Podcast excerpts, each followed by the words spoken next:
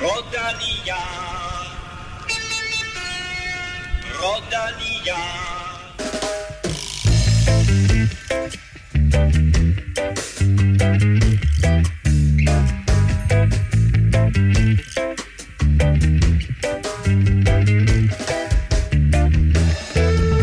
Magnus slog rekord. Magnus Kort er nu den dansker med flest etappesejre i Grand Tour sammenhæng, efter han vandt sin tredje etape i dette års Vuelta. Sidste etape, en enkelt start til Santiago de Compostela, køres lige nu, og Gud hjælp med om Magnus Kort ikke fører. Vi sidder og optager. Han er lige kommet i mål. Han har ja. et forspring til nummer to på 1.02, altså 1 minut og 2 sekunder. Det skal siges, klassementsfavoritterne er ikke ude på ruten endnu. De kommer senere. Men øh, nu må vi se. Vi finder ud af, øh, hvordan det går ham, og hvem der vinder etappen, og i det hele taget, hvem der vinder Vueltaen, men altså, det ser ud som om, at øh, Primus Roglic, han vinder Vueltaen for tredje gang i træk. Kasper Eskren og øh, Remco Evenepoel var blandt favoritterne til den samlede sejr i Benelux-ture, men øh, begge fik mekaniske problemer, der satte dem ud af spille om topplaceringerne. I stedet for så vandt øh, Sonny Colbrelli samlet. Og dermed velkommen til mine to faste mekanikere, Kim Plesner og Stefan Djurhus. Kim, øh, to gange inden for de sidste par uger, der har jeg sagt til dig, eller spurgt dig, om, om Kort han godt kan lide Vueltaen. Du får bare det samme spørgsmål igen. det vil blive en god tradition. Øh, ja, har jeg svaret alle gangene. Og, øh, og nu er det rekord jo. Nu er det, som, som jeg tror også, vi var inde på sidst, at jeg, jeg, jeg regnede med, at han vil, han vil nappe den her Grand Tour-rekord. Så har der været en masse ballade, har jeg set og hørt, og alt muligt mere. Man kan ikke sammenligne alt muligt og sådan noget, men det, det er jo egentlig også rigtigt nok. Det havde vi også med Cavendish. Der er ingen grund til at sammenligne længere. Men det er slet ikke noget, altså, den rekord har han jo. Altså, det, det, der er ikke noget, der skal sammenlignes. Så kan man jo diskutere, om Bjørn Ries var en bedre Tour de France-rytter, eller hvad ved jeg. Den her rekord over flest nu har han syv etappesejre, alt i alt i Grand Tour sammenhæng, seks i Vueltaen, en i turen. Mm. Der må også være et eller andet mål for ham omkring at vinde en i Giroen nu.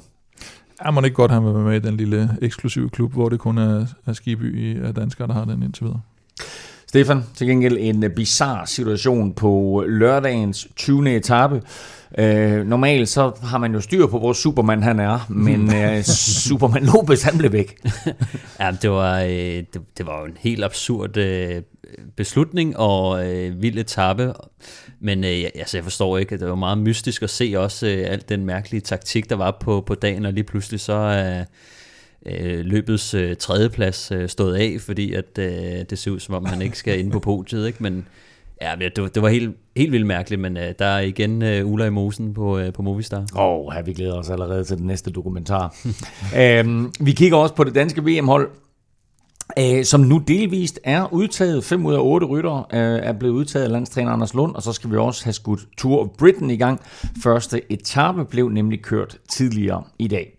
Tak til alle, alle jer, der støtter på tier.dk. Husk, at i dag trækker vi lod om en Velropa Cup, og så naturligvis det her mega fede Tissot Vuelta-ur til en værdi af mere end 3.000 kroner. Og også tak til alle jer, der har støttet via shoppen. Shoppen finder du som altid på shopvelropa.dk. Mit navn er Claus Elming, og du lytter til Velropa Podcast, præsenteret i samarbejde med Zetland og Otse fra Danske Spil. Veleuropa Podcast præsenteres i samarbejde med Otse fra Danske Licensspil. Husk, at man skal være minimum 18 år og spille med omtanke. Har du brug for hjælp til spilafhængighed, så kontakt Spillemyndighedens hjælpelinje Stop Spillet eller udluk dig via Rufus. Han havde to sejre i forvejen i årets Vuelta, og fredag fik Magnus Kort så sin tredje sejr, da han faktisk sammen med den anden dansker, Andreas Kron, var en del af et udbrud, som flere gange så ud til at blive hentet. Men igen, Stefan, så lykkedes det altså Kort at holde alle på afstand og vinde spurten. Ja, men det, det, var, det var virkelig øh, sjovt og, øh, og spændende at følge med i, i, i det udbrud der, som bare blev holdt i, i kort snor hele dagen. Af, af, ja, til at starte med var det jo DSM, der... Øh, de, de kom jo hen over øh, stigningerne øh, med, med deres sprinter øh, Alberto Dainese, som heller ikke havde vundet noget øh, endnu. Øh, så de var ret tændt på at, at prøve at se, om de kunne køre ham hjem til en spurt, men udbruddet var bare pænt stærkt.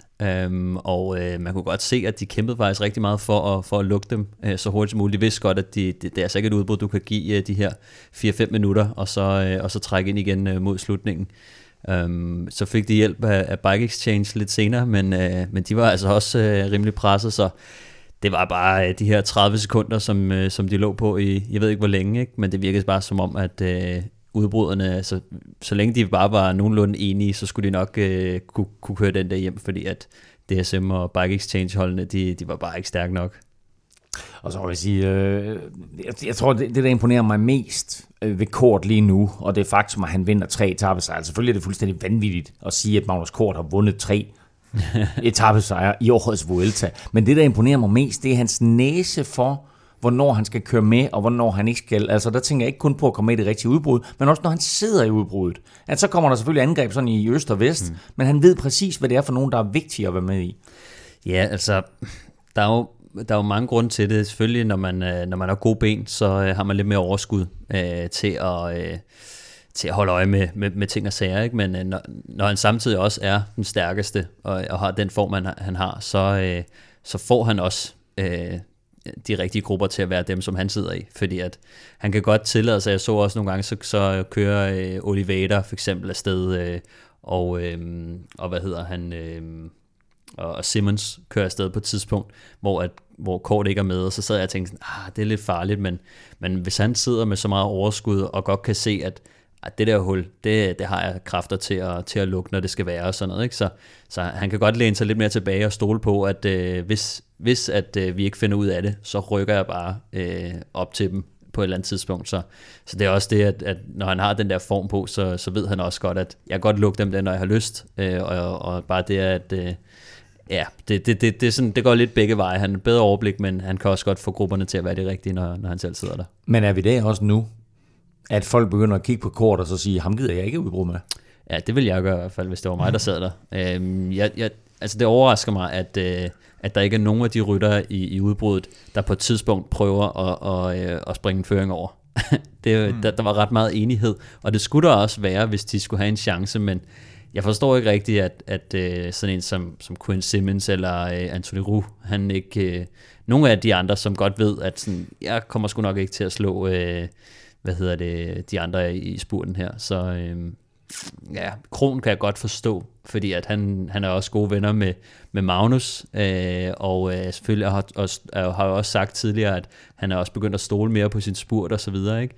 Øh, men jeg kan ikke forstå, hvorfor nogle af dem de ikke øh, prøvede at, at lave lidt mere øh, ballade, men altså, det jo kommer jo kort til gode, ikke? Og det tror jeg bare ikke, de gør næste gang, de sidder sammen med ham.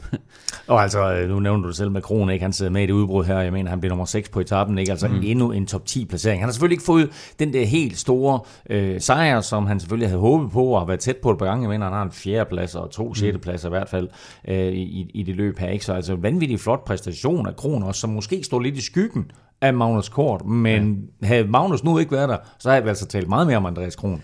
Ja, bestemt. Altså, det, er jo, det er jo klart, det er lidt svært, øh, hvad hedder det, lidt svært, øh, når, når, når Kort han gør det så godt. Øh, men, men altså, vi skal også bare tænke på, at det, det er Andreas Krons debut i, øh, hvad hedder det, både på, på World Tour, men også i, i, i Grand Tour sammenhæng, så er allerede nu at kunne sidde i, i flere øh, afgørende situationer, måske lige at mangle det sidste, eller øh, kan man sige, øh, udbrudssammensætningen måske ikke lige har passet ham, eller afslutningen på dagen osv., men, men han sidder, øh, og, og det synes jeg det, det synes jeg er vildt imponerende, øh, og, og vi har set også tidligere i, på sæsonen, at han kan faktisk godt vinde de der, øh, de der øh, grupper der, øh, når, når han kommer i udbrud, så vi kommer til at se meget mere til, til Andreas, og ganske pænt, at han er med der. Jeg tror måske lige, han Kronen, han er jo så, øh, så flittig øh, i et udbrud. Øh, han er i hvert fald ikke den, der, kom, der fører mindst. Øh, så så han, er, han skal måske også lige tænke over øh, i fremtiden måske, at, øh, at han behøver ikke nødvendigvis at være den stærkeste for, for at vinde. Øh, han kan også godt øh,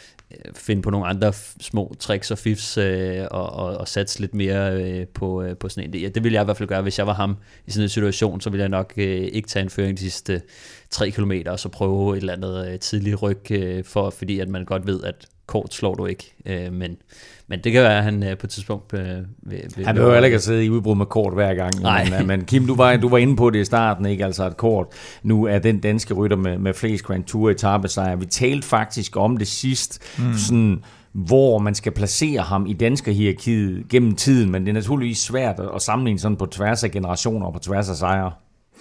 Ja, der er jo ikke nogen tvivl om, at han nok går hen og bliver en af de mest vindende rytter i hvert fald, øh, sådan samlet set. Og nu har han, han har 10 World Tour sejre. Han er den første dansker med tre etappesejre i samme øh, Grand Tour. Han har de her syv øh, Grand Tour etappesejre, som, som man så kan man mene om den øh, statistik, hvad man vil, men den fører han, uanset hvem der så ellers ligger på listen. Og hvis man skal begynde at sammenligne med nogen, så skal man måske kigge på nogle ryttere, der sådan lidt matcher det, som, som Magnus gør, og hvis man skal kigge sådan en lille smule tilbage, så vil jeg sige sådan noget Mati Brachel, øh, Lars Mikkelsen, altså hvor de også hvor de kan vinde fra udbrud, fordi de er den hurtigste, når der kommer et, et udbrud hjem eller en gruppe hjem, og de kan også godt sådan være med i sådan noget, der, der minder lidt om en masse spurt. Og hvis man ser på, hvor mange løb de vandt i løbet af karrieren, og hvor meget Magnus allerede har vundet i en alder af 28 år, så, så ligger han jo ret godt til i sådan nogle sammenlignelige rytter, hvis man kan sige det sådan. Og øh, nu øh, tager jeg selvfølgelig øh, lidt øh, dagens enkeltstart øh, for givet, at der er rytter, der overhaler Magnus, men han fører altså rent faktisk stadigvæk, så det kan blive til fire øh, etabesejre for ham. Men inden etappen i dag, der mhm. fik han faktisk en fornem heder, fordi Kim han blev kåret til Vueltaens mest angrebsivrige rytter. Ja, det må man også sige var fortjent. Jeg tænker, hvad, noget Michael Storer eller sådan noget, der måske kunne have kommet i spil der, øh, øh, vinder tre etaper, og så er han ved at vinde den der 11. etape også, hvor, øh, hvor, hvor, hvor der så sker det, at de, de lige kommer op til sidst, og og specielt de der dage, hvor han sådan, hvor var i udbrud hele tiden, og sådan, ej, i morgen slapper af, og, sådan og så vinder han alligevel, og, og det, det, det, har været svært at komme ud om ham, så skulle det være sådan et eller andet med, at det var den der afstemning, hvor det blev en spanier, fordi de bare skulle det, have en spanier. Det var svært at finde på, øh, hvilken øh, spansk rytter, der, der, der ja. eventuelt øh, skulle og, have den. Og i øvrigt har vi jo ikke, jeg mener, der har slet ikke været nogen spanske etappesejre. Nej, der er ikke. Nej, nej. I, øh, i Vueltaen, så det, det, den er også lidt svær, ikke? Øh, kort vinder tre etapper. Han virker til at være fuldstændig vanvittig form. Gør det her ham til kaptajn på det danske VM-hold, øh, og måske endda en af favoritterne sådan set på tværs af alle nationer? Um, nej. nej, det tror jeg faktisk ikke. nej. Men, men øh, altså, jeg kan huske også inden at Kort han, øh, han blev øh, professionel på Milton Scott-holdet, da han kørte øh, for kult, øh, der var han jo ene kaptajn hos dem, og øh, han, altså, de nedlagde bare alle cykelløb, de kørte, fordi de kørte all in for, for Magnus Kort, ikke? Og, og hver gang de leverede ham øh, det rigtige sted, så vandt han. Og han øh, lå jo i den der, øh, hvad hedder det, han førte jo Europaturen og havde sådan en føretrøje, mm, som var ret øh, prestigefyldt øh, det, dengang at, at bære den, ikke?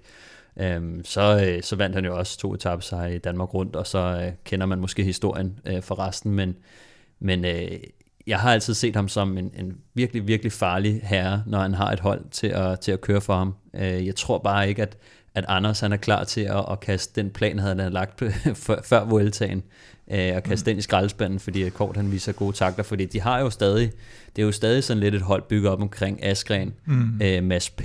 Og, og muligvis en, en tredje mand, ikke, som vi har snakket om. Det kunne måske være, det kan være Kort, det kan være Søren Krav øh, mm. og så videre, ikke? Men, men jeg tror stadig, at, at det handler om øh, Mads P. og, og Askren, men, men altså, jeg tror bestemt, Kort, øh, Kort han har en, en, en fri rolle Ja, det er, det er jo, minimum, det talte vi om tidligere, at det er jo virkelig luksus at have sådan en som ham til at være sådan en joker ja. på holdet, som ikke, som ikke engang er sådan, hvad skal man mm. sige, plan.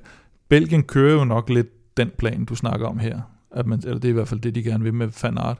Men Fanart er også sikkert lige så hurtig som Kort spurt, hvis måske ikke hurtigere. Og så ved de, at han kan sidde med på stigningerne 100%. Mm. Altså det ved de 100% sikkert. Og øh, Kort har jo lavet det her for udbrud og det vil sige, i en, hvor han sidder med de andre i en ren finale på de her stigninger, der, der, der vil jeg også som landstræner være for usikker til, om han, om han på den måde kan køre den. Mm.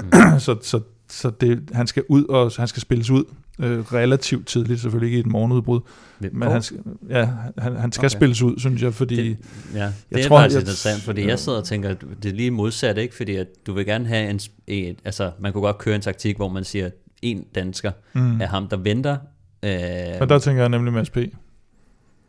Ja, det, øh, det, det kan man også Prøv, der, er ikke nogen, der er ikke nogen af jer to, der er landstræner. Vi kommer til at snakke meget mere VM øh, lidt senere, meget mere VM-hold lidt senere. Men først til noget, jeg har glædet mig til, fordi nu skal vi.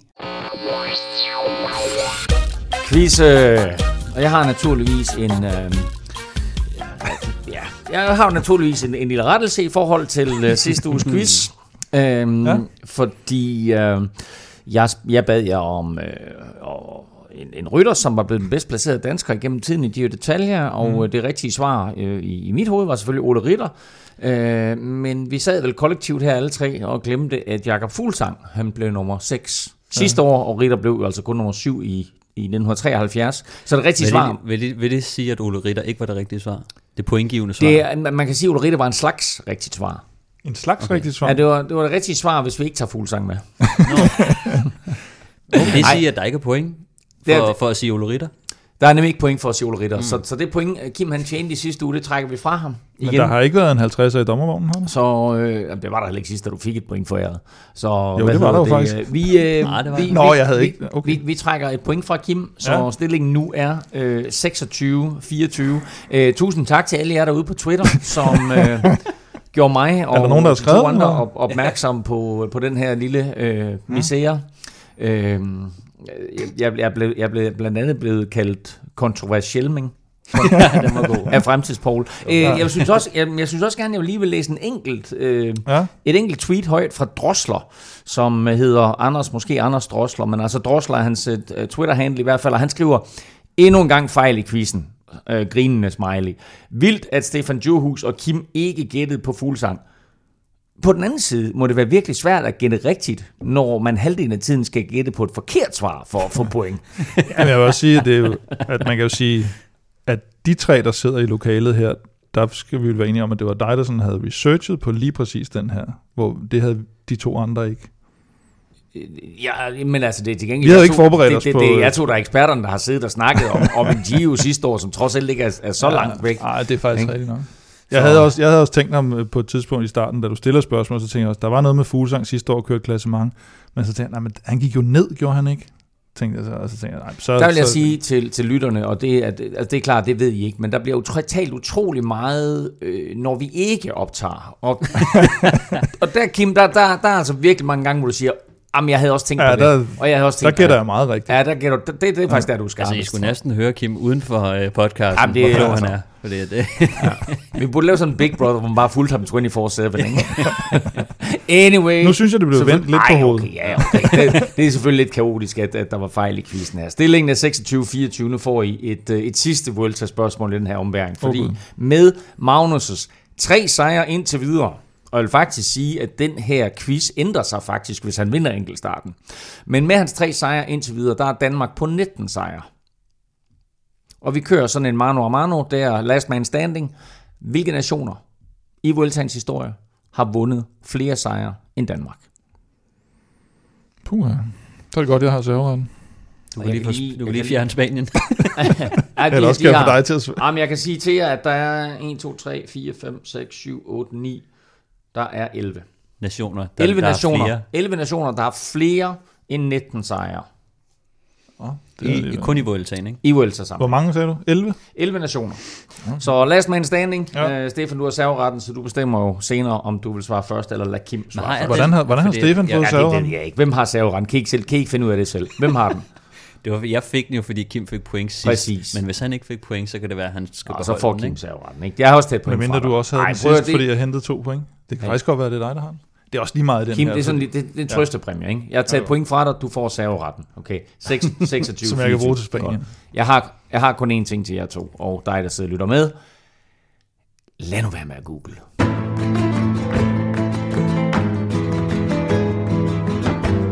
Der er kørt fem etaper i Vueltaen, siden vi var her sidst, og jo altså blandt andet med øh, endnu en sejr til Magnus Kort. Jeg kan lige tilføje, at han stadigvæk sidder i hot seat, så rigtig, rigtig spændende afgørelse, vi har på dagens etape. Men øh, ugen, den begyndte med en anden rytter, der tog sin tredje sejr, da Fabio Jacobsen vandt tirsdagens 16. etape, hvilket nok var øh, forventet. Til gengæld så var det noget uventet, at Egan Bernal satte et storstilet angreb ind dagen efter onsdagens hårde bjergetappe til Lagos de Covadonga. Ja, men altså, det, var, øh, det, det er meget øh, flot og modigt, synes jeg, øh, at Egan Bernal. Øh, Ineos, de var jo egentlig også med til at, til at sætte tempo langt stykke hen ad vejen, og øh, det var jo den her regnvåde etape, hvor at vi, vi ved, der kan ske store ændringer, og Egan Bernal, han smutter jo afsted på, på den anden sidste stigning, øh, som er ret tidligt, fordi der var sådan et ret langt øh, mellemstykke. Øh, han får jo så Roglic med, og, øh, og, og satte sig jo ret meget af butikken, men, med må så selv... Øh, går, går så lidt kold øh, på, øh, på sidste stigning der og, og falder tilbage til de andre favoritter. Øh, Bernal Roglic, de fik jo faktisk opbygget et øh, habil forspring, men øh, da etappen den så skulle afgøres, så øh, satte Roglic tempoet op, øh, smider Banal, og Banal ender så med øh, i sidste ende at komme i mål med flere af de andre favoritter. Øh, var det her var det skønne spildte kræfter for Banal? Nej, det synes jeg faktisk ikke, fordi ja, man kan sige, at bundlinjen blev, at han, at han kom i mål i samme tid som de andre, og det havde han måske også gjort, hvis han var blevet siddende. Men, øh, men jeg synes, det løftede ligesom hele Ineos øh, Vuelta faktisk. Mm. Øh, de havde set lidt vingeskudt ud, ikke? Og, og så lige pludselig så er de i offensiven, og han havde sagt det her, men nu er jeg, nu er jeg god i tredje uge, og så skulle han, havde han lidt, han skulle leve op til. Så han døde med skoene på, som man siger, ikke? Og, øh, og, og jeg synes, det løftede mig. Det synes jeg også, man lidt kunne se i, i resten af, af Vueltaen faktisk. Din favorit til ungdomstrøjen, Stefan, det var Alexander Vlasov. Han styrtede og taber mere end en halv time.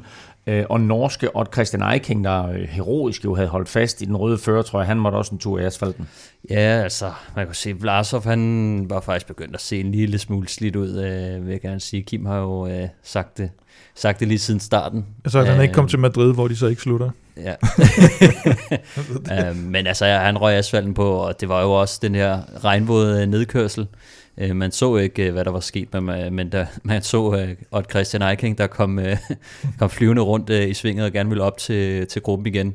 Men uh, han snitter lige uh, bremsen, da han ser uh, Vlasov ligge i, i vejsiden der, og man kunne godt se, ja, altså Eiking, han, han, han måtte jo også lige uh, en tur ned, men man kunne godt se, at Vlasov, han, uh, han havde slået så meget, og han mistede jo også uh, meget tid og røg fuldstændig ud af, af klassementet.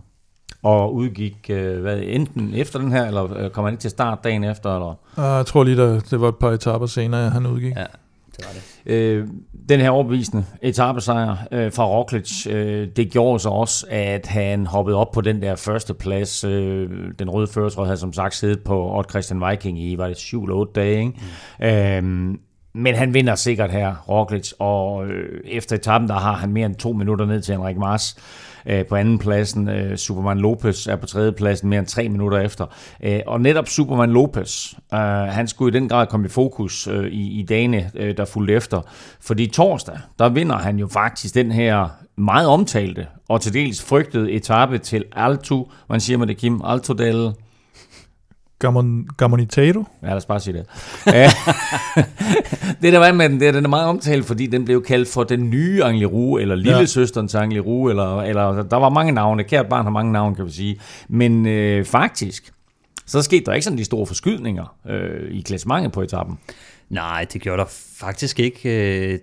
De kørte generelt ret, ret stærkt op alle sammen, men øh, det var faktisk øh, David De La Cruz, der, øh, der angreb øh, 10 km igen, altså øh, sådan ret tidligt på, på stigningen, øh, og, og endte med at tage ret meget tid at køre sig ind i, øh, ind i top 10, som jo også var staldtippet øh, for, for noget tid siden, så jeg er faktisk meget glad øh, for det, men ja, også, også ret overraskende, at han kunne køre så tidligt, men det siger også lidt om det, øh, hvordan favoritterne angreb det her, at, at han kan køre sted med 10 km udefra og, og holde øh, ja, kan man sige, han, det var lige før, at han, han var holdt til stregen, men det var lige Superman Lopez, der, der kom flyvende forbi ham til sidst.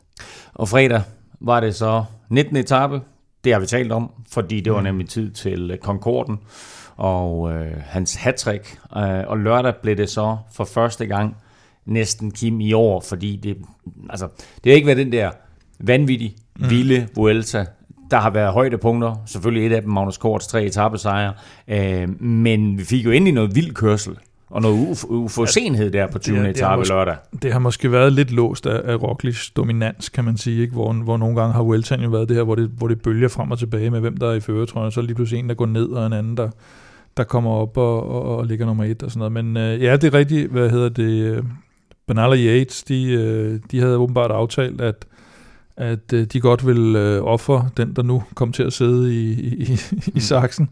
Så de angreb egentlig på skift, og Bahrain de, øh, de angriber for at få, få Jack Hague op på podiet. Og, øh, og de forsøger selvfølgelig at presse, presse Henrik Mars og Superman Lopez. Øh, de har ikke rigtig nogen holdkammerater tilbage, og de ligger, de ligger to og tre, og det, det er dem, man ligesom kan få fat i. Roglic er, er ligesom væk.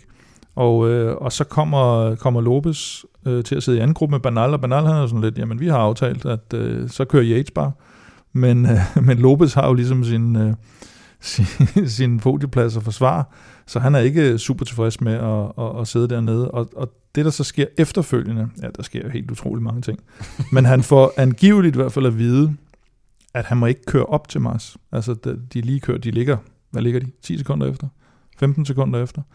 Og så øh, efter sine i hvert fald, det, det man har hørt nu fra de kolumbianske medier, som er lidt mere sådan øh, på, på Superman Lopez side end de officielle udmeldinger for, for Movistar, det er, at øh, ham der øh, Unsue, som er øh, det gamle Movistar øh, teammanager, han tager simpelthen mikrofonen og siger, du kører ikke nogen vejen, du bliver, du bliver liggende der, og det tænder han fuldstændig af på, og han, man ser billeder af, han sætter sig ind i en, øh, en bil. Alle tror, han er udgået, så lige så kommer sådan nogle meldinger om, at nej, øh, en sportsdirektør, der hedder Partivila, og, og, øh, og Avicii, tror jeg, der har været nede og overbevist ham om, at han skal tilbage på cyklen, så han er stadigvæk med i løbet. Næste melding kommer så med, at nu ved Movistar overhovedet ikke, hvor han er henne. og så til sidst, så står Nå, han som... Hvad var, det, hvad var det for en anden rytter, der forsvandt på et tidspunkt? Kan I ikke huske, vi havde en eller anden, også en historie med en eller anden rytter? Hvad, det var da Rowan Dennis, og Rowan Nå, Dennis, det er rigtigt. Ja, ham vidste man heller ikke ja, ja. rigtigt, hvor var. Det er rigtigt. øh, og så, men så til sidst, så kommer resultatlisten jo, og så kan man se, at, øh, at der er der altså en, en DNF ud for, for Superman Lopez. Og, øh, der var kommer også den der video, hvor man kan se, at han sætter sig ind i bilen og ja. snakker lidt i telefon og sådan ja. noget der, ikke? Og så om aftenen, så kommer der den her officielle undskyldning, hvor man godt kan se, at det er nok ikke Lopez selv, der har, der har siddet og skrevet den øh, i en stille aftentime. Det var, det var med ført hånd. Du nævner Pancho Villa. Øh, dem, der har set øh, de her Movistar-dokumentarer, er det ikke ham, den, den sådan lidt 55-60-årige sportsdirektør med sådan lidt øh, krøllet hår? Øh, nej, øh, han er egentlig den, nej, den er, fornuftige. Øh, den anden, det er, hvad hedder han? Øh, Garcia, Garcia Costa. Han er ham, ham ah, øh, han er, festens midtpunkt onkel. Han, øh, han er sjov nok, men han har ikke en skid begreb om, hvordan fanden i helvede, der, hvad sker omkring ham. Og så Unsue, eller Unsue, eller hvad man, hvordan man udtaler hans efternavn. Det, det er ham, der har været teammanager lige siden øh, nærmest Indurain, ikke? Ja. Øh, og, og det er ham, der styrer til sidst. Men han er sådan en, når man ser dokumentaren der, så ser man, det er sådan en gammel morfar, der sidder lidt og, og kører tingene på en gammel, gammel sådan har nogenlunde forstand på det, men, men ja. øh, og, og, virker som den rolige gemyt på, på holdet. Ja, ja, men, men og det er jo selvfølgelig ham, der har sidste ord, og, øh, og, og der kan også være noget med Vuelta i Spanien, og Mars, der er Spanier, og, og Lopez, der er kolumbianer og sådan noget. Det har, det har øh, hvad hedder det, Quintana har jo også været lidt inde på, øh, da, da vi så noget om det. Så øh, det bliver spændende. Men altså, giver jo ikke nogen mening i, i virkeligheden, at han får besked på ikke at køre efter, fordi det eneste, det er ikke sådan, at Henrik Mars står til at vinde særlig meget i den situation, Nej. stod i. Det var egentlig, at, at øh, Jack Hague øh, det, det, det var på vej til at, øh, til, at, til at snuppe deres tredjeplads. Det er Lopez, der taber øh, noget ved ikke at køre efter ham. Men, men jeg ved ikke, altså jeg tænkte netop på i situationen, om det var øh, sådan en, at, at de prøver at sige, at, at man, Egan Bernal, han må også, altså han ville måske også være interesseret i at, ja. Og, og gå efter fjerdepladsen eller et eller andet. Øh, fordi I, I, har nu, I har før ja. talt om, om det her med mandsopdækning. Mm. Og jeg har hørt nogen spekulere i, at øh, der var en mandsopdækning, der hed Enrik Mars holder øje med Yates, og Superman Lopez holder øje med Banal. Mm-hmm. Så da Yates kører, så kører Mars med, og Banal bliver siddende. Og mm. det kommer til at låse Lopez. Ja, det giver bare ikke nogen mening, fordi det er Lopez, der har noget at miste. Øh, man kan sige, han har jo alt at miste ved, at han bliver siddende dernede, og om han kører Banal med op, så kan du være, ja, du kan så være bange for, at hvis han skal lukke det hul med Banal på hjul, altså Banal angriber, men altså, hvad kan han gøre ved det, når de sidder to mand deroppe? Det, det, altså, det giver ikke nogen, det giver ikke nogen sportslig mening at sætte en podieplads over styr på det der. Det kan jeg godt er det, forstå. Er det, er, er det Lopez, der begår en fejl her, eller er det Movistar? Det kommer jo lidt an på, hvad det er, der rent faktisk er sket. Men hvis vi siger, at der er sket det, at han har fået besked på, at han ikke må køre op og lukke det hul, og det ikke var, fordi han ikke kunne lukke hullet, mm. så, så kan jeg godt forstå, at han er sur. Altså, så, så, så synes jeg ikke, det giver nogen som helst sportslig mening, fordi som Stefan siger, hvad skulle der ske, ved han trækker, også bare, selvom han trækker fem rytter med op, det er jo pisselig gyldigt. Det, det, er ikke, jamen det er netop det, de, hvad hedder det, Movistar står ikke rigtigt til at vinde noget, fordi at de ligger nummer to, og nummer et, han sidder i gruppen. Det vil ja. sige, de, de henter ikke rigtig noget på nogen. Øh, og, og det var heller ikke fordi, at, at folk lå så tæt, at de gerne ville have, at du ved, sikrede en podieplacering. Nej, banal, noget, eller, andet. eller hvad banal. Men jeg, Mars bliver jo ikke truet af, at der kommer andre op, eller noget. Det, nej, det, nej. og det, det som jeg også tænker, det er, altså, jeg vil i hvert fald give Lopez lov til at, at køre efter, øhm, men hvad hedder det, øhm, øh, man, man kan så også sige, hvis det er taktisk en beslutning, at at de tænker, at Lopez skal ikke bruge kræfter på det der, fordi der er måske nogle andre, der også har interesse i at gøre. Mm. Men det viser så overhovedet ikke at være sandt. Så selv der i bagspejlet kan du der, se, at siden at der er ingen, der var villige til at køre efter, så er det Movistar, der taber på det. Så altså, fordi du netop kan se, at der er ingen, der, der gider at køre efter, og det går fuldstændig i stå senere hen, så synes jeg klart, det, det er den forkerte beslutning, fordi mm. det ender med at koste dem den der podieplacering, som, øh, som de nok havde håbet på i, i længere tid. Ikke? At de... Jo, og så kan man, så kan man sige, at øh, det er så næsten, eller ikke næsten, det kan man jo ikke vurdere, men det er lige så øh, fejlagtigt, at han så vælger at forlade løbet. Ikke? Altså, oh, ja, der, der respekterer også, man jo lige løbet og kører færdigt. Ikke? Plus, det, han, ville jo også, han, ville jo også, han kunne sagtens have kørt en, en, en fjerde eller femte plads ja, ja. i, i Vueltaen, hvis han bare var fortsat. Ikke? Så han, han, han havde en etårig kontrakt inden i år. Øh, så øh, forlænger han for ja, tre uger siden med to mm. år mm. med Movistar. Altså, og nu synes jeg, der florerer rygter øh, omkring, at der er en mulig fyring øh, undervejs her. Så. Jeg, tror, jeg, jeg tror, en fyring bliver... Ja, det ved jeg sgu ikke. Jeg tror måske, den bliver svær. Øh, Altså sådan rent juridisk, fordi så kan han jo bare sige, at han har ondt i knæet eller et eller andet. Altså, hvad, hvad, skal, de, hvad skal de gøre så? Jeg tror, så skulle det kun være, hvis UAE de, de kommer til. Hvis de kommer med, ja. Ej, altså, det, det, det, er i hvert fald en, en situation, som øh, var meget dramatisk. Ender med, at, at løbets nummer tre trækker sig ud, og vi ved faktisk ikke helt, hvor den ender henne. Så øh, nu må vi se, om... Øh, tiden heler alle sår, som man siger, så øh, alle sår, ikke sår, men øh, alle sår, så, øh, så nu må vi se, om de bliver gode venner igen her inden for en overskuelig fremtid. Etappen ender jo faktisk med at få en førstegangsvinder, fordi franske øh, Clément Champoussin, han vinder sin første World Tour sejr, han kører for Ace 2 jo, jo. Stefan. Øh, og han slår jo sådan lidt sensationelt øh, Roglic og Yates øh, på stregen med meget, meget flot øh, sejr af Champoussin. Øh, det betyder, at øh, Yates han øh, på det her tidspunkt har et minut op til Jack Hague på tredjepladsen, øh, og det har han altså inden dagens enkeltstart. De to de ligger og battler lige nu mm. omkring øh, den der tredjeplads. Vi finder ud af inden for ganske kort tid, hvordan det går. Øh, Roglic øh, ligger stadigvæk solidt nummer et og skal jo bare ud og forsvare sin første plads, men øh, kører altså også en forholdsvis god enkeltstart i øjeblikket. Øh, Enrik Mars ser ud til at forsvare sin anden plads. Øh, og så er der Gino Meter, Mm. Fordi den her etape udvikler sig jo på den måde, at Gino Meter, han overtager den hvide ungdomstrøje fra Egan Bernal. Øh, og jeg ved, at I to I har, har været, og vi har talt en hel del om Gino Meter, og det startede jo sådan set med den der etape i, i uh, Paris Tour, ikke? Uh, Paris Nice, hvor, mm. hvor han bliver hentet af, af Roglic på stregen. Men uh, I var meget begejstret for hans kørsel her i, i Vueltaen, uh, og Kim, jeg ved, at du måske endda vil gå så vidt, som man kalder ham forløbets åbenbaring. Ja, jeg synes, hvis man kigger lidt på, ja, selvfølgelig Magnus Kort, øh, er, jo, er jo også øh, det, det resultat, han, eller de resultater, han laver, er jo også, hvad skal man sige, øh, øh, grænseoverskridende, skulle jeg næsten til at sige, mm. eller nyskabende for ham. Men vi vidste jo godt sådan det meste af det, Magnus har lavet, øh, måske ikke set så mange gange i, i træk, men øh, vi, vi vidste godt ligesom, hvad han indeholdt, og, og det er der også nogle andre rytter, vi godt vidste. Men, men Gino Meter, i forhold til klassement og, og det her, der, der synes jeg, han har taget et skridt op, og, øh, og lige pludselig er på et, et nyt niveau, der bliver rigtig, rigtig spændende at, at følge. Og så synes jeg også, uh, Michael Storer, som vi efterhånden har talt en del Klart. om, har fået ja. et, et flot gennembrud. Det må man sige. Uh, men altså, jeg, jeg, jeg tilkobler mig også lidt Gino Meter, fordi det var, med, det var primært efter den her 20. etape, som jeg bare synes var vanvittigt flot, hvor han, uh, mås, altså, første ting er, at han viser, at han kan være med hele vejen til slut, ikke? og så at det faktisk er ham, der, øh, der tager det store slæb, øh, da de kører væk i, i starten. Øh, selvfølgelig får de øh, Mark Padun fra, fra udbruddet med ned, men, øh, men det er altså Gino Meta, der ligger og laver det hårde arbejde i starten, øh, som, som bliver afgørende, og også hvor at Gino Meta så tager ungdomstrøjen fra Egan Bernal og kører sig tre placeringer frem i, i klassementet mm. og ligger sig som, som femmer i, i et Vuelta. Øhm, det, det synes jeg også er imponerende. Og ender i en, uh, i, en, i en flot top 10 her i Vuelta i Spanien.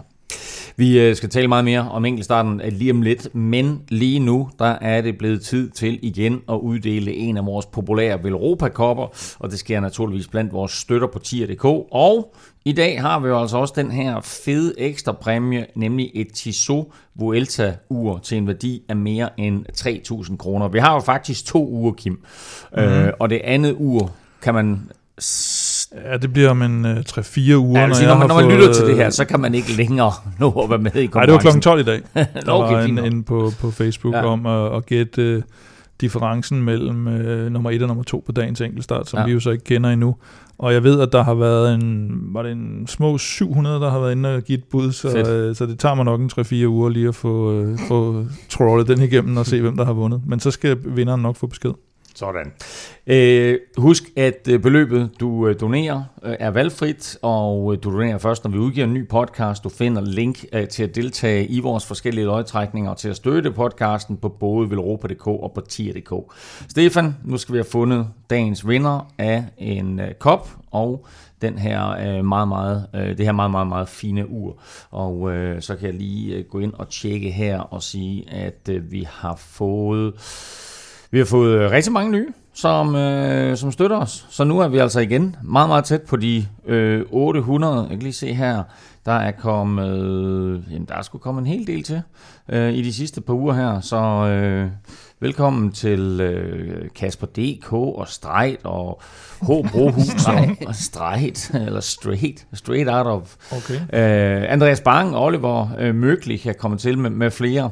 Øh, I deltager altså alle sammen øh, i konkurrencen om at vinde øh, både en Velropa Cup og det her ur, og øh, bliver I hængende efter at voldtagen er slut, jamen, altså, så deltager I hver uge i konkurrencen om, øh, om vores fede præmier. Stefan, hvem vinder i dag? Åh, Det gør, øh, Ah, det er fedt. det gør en mand, der hedder øh, Rudolf Rudi Fuller. Rudolf Rudi Føller. Du, er, du ved ikke, hvem Rudi Føller er, ikke også? Jo, Åh, oh, no, okay, du, du, du, du, den måde, du læste højt på. Hey, Rudolf! Med er tilnavnet. Det, øh, er det Rudi Føllers øh, mindre kendte bror, som så bare også hedder Rudolf? det må det, må ligesom- det være. Dasslerbrødrene. Øh, jamen, jeg tror, vi har en Rudi Føller-fan her, og øh, måske også en øh, cykelfan og Velropa podcast-fan. I hvert fald, Rudolf, så er du vinderen af en Velropa Cup og et Tissot Vuelta-ur. Så kæmpestort tillykke til dig. Husk, at vi får alle vores lodtrækninger og gør det på den måde, at for hver femmer du donerer, der får du et lod i puljen, så jo større beløb, jo flere lodder, og dermed så større chance for at vinde. Mange tak for støtten til jer alle. Velkommen til alle nye, og kæmpestort tillykke til Rudi Føller. Vi skal smutte til øh, Holland-Belgien, fordi Benelux-tur sluttede i, i eftermiddag, og det gjorde den jo med den her traditionelle etape til muren i Gertsbergen, og det blev den helt store succes for Bahrain Victorious. Der var Victorious både på den sidste etape og i løbet samlet. Mathias Mohoric lavede endnu et af sine vanvittige solorits og kørte alene over stregen efter sådan 25-30 km øh, solo. Og han var faktisk tæt på at nappe den samlede sejr, men den gik så Kim til øh, holdkammeraten Sonny Colbrelli. Ja, som også har kørt et fantastisk løb øh, har vist sin øh, holdbarhed, og han ikke bare er en sprinter. Øh, på lørdagens etape, altså gårdsdagens etape, der kører, der kører han simpelthen solo i finalen og vinder med, med 42 sekunder ned til Mohoric. Og så byttede de om i dag, øh, så han førte med 51 sekunder inden den her etape, og på et tidspunkt, fordi Mohoric havde også støvsuget lidt af de her gyldne kilometer bonussekunder, og ville få 10 sekunder som, som, øh, som vinder. Så på et tidspunkt, der, øh, der går det sådan lidt i stå bagved, og Colbrelli han ligger så på hjul af først Askren, der er kommet afsted, og Tom Dumoulin. Så han ligger lidt og er afhængig af, at der er nogle andre, der, der trækker ham op i nærheden af Mohoric, mm. ellers så løber holdkammeraten med, med sejren, men så, øh, så, så bliver han til sidst uh, trukket op og, uh, og, og, og ordner selv lige det sidste, så han får den samlede sejr. Og vi må- synes jeg. Og vi må bare sige, at Sonny Colbrelli altså også har vist virkelig, virkelig god form i år, har vist nogle kvaliteter ja. i at køre opad, som jeg ikke synes, at vi har set ham her før, øh, fordi han har, som du siger, øh, Kim, behov for at, at få lidt hjælp her. Og da Dumoulin, han splitter forfølgergruppen øh, og bare kører fra, da det mm. går opad på brosten, så sidder Colbrelli altså på hjul, og det ender jo faktisk med at betyde, at øh, Colbrelli han får, Jeg han synes, får hjælp han er- og, og henter de sekunder, der er behov for, og så napper han sejren. Han minder mere og mere om Trentin, ikke i, øh, i, i den måde, han kan køre cykel på, altså er blevet mere all-round. Mohoric og Colbrelli, eller om, om en rækkefølge for den sags skyld, Colbrelli vinder øh, foran Mohoric, begge to, altså holdkammerater øh, for Bahrain Victorious. Øh, men desværre, Kim, ingen danskere på podiet, selvom Kasper Askren jo fortsat ligner en mand i topform. Altså synes jeg bestemt, han ligger med helt fremme i, i fredagens etape, eller han øh, kører også godt på enkeltstarten, og øh, jeg mener, han blev Og fire kører der. godt i dag også kører godt i dag, hvor det mere ligner som om han bare, han kunne ikke rigtig vinde noget, så han ved godt, at han, han egentlig bare skulle have det som træning, og derfor så kører han måske lidt, man kan sige, taktisk uklogt, hvis, det, hvis, hvis han nu skulle lå og kæmpe om den samlede sejr, så kørte han lidt uklogt, fordi så lå han og, og jordede derud af med nogen, der lå sådan 10 sekunder bagved. Så det så ud som om, at han øh, bare skulle have noget rigtig, rigtig hård træning frem mod, mod VM, og øh, han taber simpelthen kæden der fredag i den afgørende fase, og øh, Og det er ikke bare i overført betydning, det er simpelthen fysisk. det er tabte- tabte fysisk, han tabte det. Øh, og, og der tager han et, et lille minut eller 45 sekunder eller sådan noget, og, og, og så ved han jo godt, at så, så er den ikke realistisk. Øh, og det er lidt ærgerligt, fordi øh, Stefan Bissiger, som på det tidspunkt førte, han var blevet sat, og det vil sige, at Kasper var kommet i føretrøjen, hvis han, hvis han bare havde siddet med hjem med, med, de, med de andre øh, favoritter, og det, ja, det, det var lidt ærgerligt. Den, den kunne han den kunne han måske godt have fået, den her. Men øh, god træning frem mod ja, jeg tror, han betragter det som sådan. Øh, og det blev heller ikke, øh, Stefan, til mere en god træning for to andre danskere, som vi havde håbet lidt på, nemlig Søren Krav og Mads P. Ja, altså den her øh, 6. etape, øh, fredagsetappen der, den blev fordømt, fordi øh, både øh, Askren, der, der mistede kæden, øh, Øhm, Søren Krav, han øh, røg asfalten og øh, røg også ud af, af klassebanken. Han øh, sad jo egentlig meget godt med i, i mixet på et tidspunkt, men, men baghjulet skrider altså ud i et, øh, i et venstre sving på et tidspunkt, og øh, til trods for, at han kommer ret hurtigt på cyklen, så kan man godt se, at øh, han har ikke rigtig lyst til at køre, øh, køre mere cykelløb. Så øh, han, han ender jo med faktisk ikke at, at køre i mål øh, og, og udgå af, af løbet desværre. Og, øh, og Mads Pedersen, han, øh, han trækker sig også for løbet øh, på 6. etape.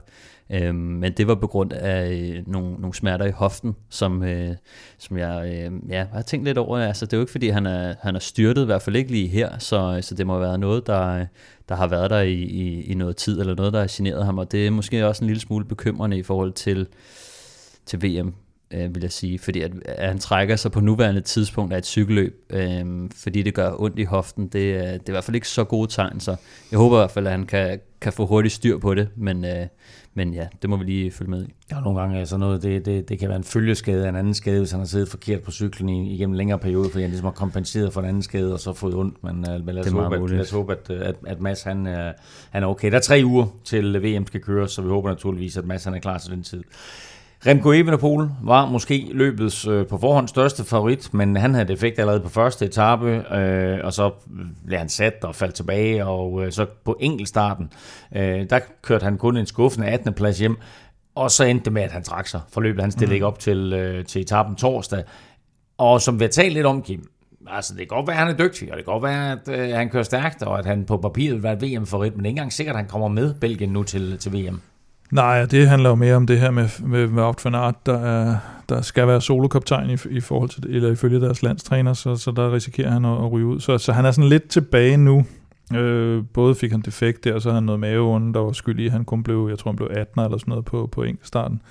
Øh, og, og, så nu er han lidt tilbage i den der onde cirkel, han egentlig var, inden han fik det her boost med Belgien rundt, Danmark rundt, og, og, og det lille løb dernede i Belgien. Øh, så, så lidt ærgerligt, at han, han lidt er råd tilbage i den der, og, og måske risikerer at få sådan mere, ikke så meget, øh, hvad hedder det, løbsmæssig losing, men hvis ikke han kommer med til, til VM, eller ikke får lov at køre, som, som han gerne vil. Jeg synes, vi mangler at se Remco lige komme ind og vinde nogle af de store løb. Det er sådan lidt, ja. altså undskyld Danmark rundt, men det er sådan lidt nogle B-løb, han vinder. Øh, og det er selvfølgelig alt sammen en proces med at få ham tilbage Øh, både fysisk, men også mentalt. Øh, ja, men det er rigtigt. Efter, efter Lombardiet, der, der har det ikke været på, på allerhøjeste niveau, han har vist det. Han har vist nogle skræmmende ting i, på, et, på et lavere niveau, eller hvad skal man sige. Øhm, og han vandt jo San Sebastian, inden han styrtede i, øh, i, i hvad hedder det, Lombardiet.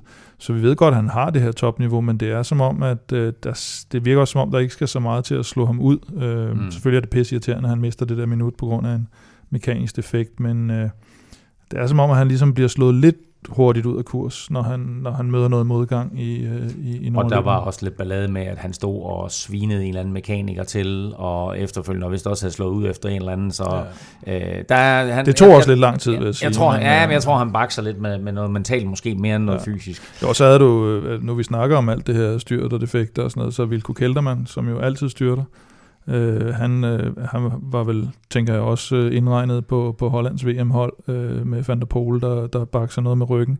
Øh, han styrter også i, øh, i Benelux. Men det bringer mig egentlig til et meget sjovt spørgsmål, det der med, at Kelterman han er ude, fordi Tom Dumoulin kører faktisk rigtig, rigtig fint Præcis. hele ugen her igennem, og viser sig også rigtig stærk i dag på den afsluttende etape. Er han pludselig sådan en outsider til VM?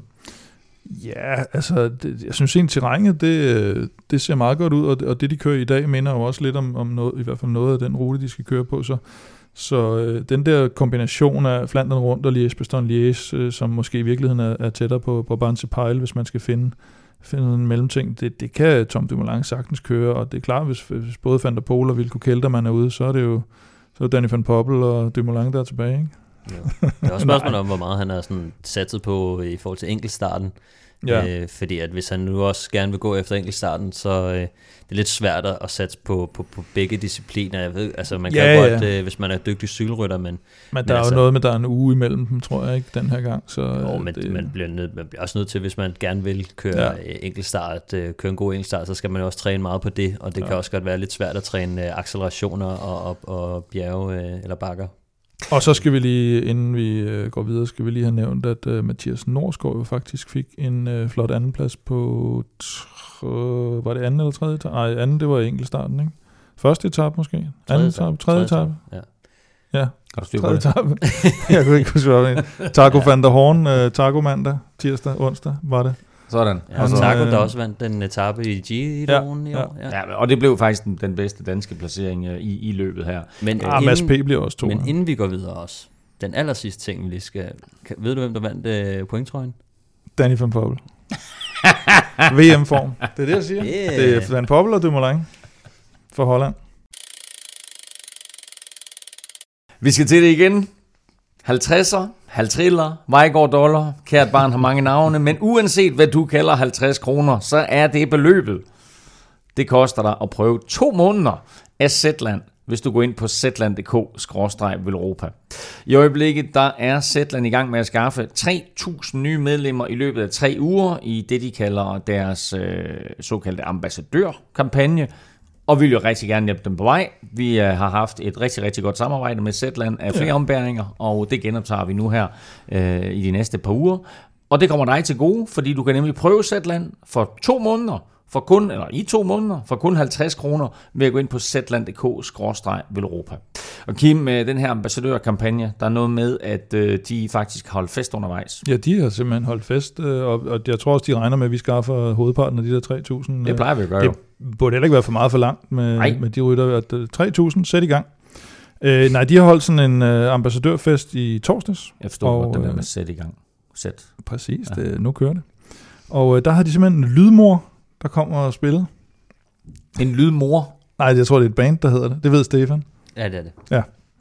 Og, øh, og så øh, har øh, Fred, en, der hedder Frederik Kulager, han har fortalt om en pornokonge.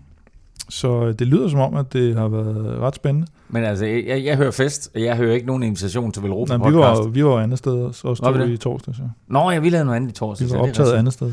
Præcis. Der har vi jo faktisk, vi var, vi var Helsingør sammen. Øh, Med fodboldlandsholdet, Ja, med fodboldlandsholdet. Ja. Så vi var lige oppe og, og hygge lidt med drengene der. ja. Øhm, Tak for invitationen. Så, Kasper Julemand, han Ja. spinner meget, siger han. Hvad for det? Han spinner meget. Ja, Kasper, ja vi, vi fik faktisk en lille snak med, med Kasper Julemand deroppe. Øh, ikke, at det har noget som helst med noget at gøre, men Nej. jeg er da sikker på, at, øh, at Zetland, de også har masser af nyheder omkring fodboldlandsholdet og alt Måske. muligt andet. Øh, jeg er blevet stor fan af Zetland, det er ikke nogen hemmelighed, og øh, blandt andet, så øh, er jeg jo blevet meget glad for helikopteren. Ja, det ved vi. uden at det skal lyde forkert. Nej, prøv øh, Zetland, det er simpelthen nyheder bragt lige ind i dine øregange. Du bestemmer selv, om du vil læse eller du vil lytte til nyheder, og øh, jeg gør det rigtig, rigtig meget, øh, lytter til helikopteren hver evig eneste dag, får mit nyhedsoverblik øh, på den måde. Det er næsten gratis. Zetland.dk-Europa. Lad os bare kalde det for en vejgård dollar, øh, og på den måde lige øh, sende en lille hilsen til det nordjyske. Husk, at du støtter Velropa Podcast, hvis du tegner et prøveabonnement på Zetland, og det gør du altså på zetland.dk-velropa, og du skal være mere end velkommen til at dele det her tilbud med venner og familie. Den helt store nyhed, siden vi var her sidst, er selvfølgelig udtalelsen af de første fem danske VM-ryttere. Tirsdag satte landstræner Anders Lund navn på den første gruppe af ryttere, der skal køre VM i Flandern, og de er Kasper Askren, Mads Pedersen, Magnus Kort, Michael Valgren og Mikkel Honoré. Er der så nogle overraskelser blandt de fem?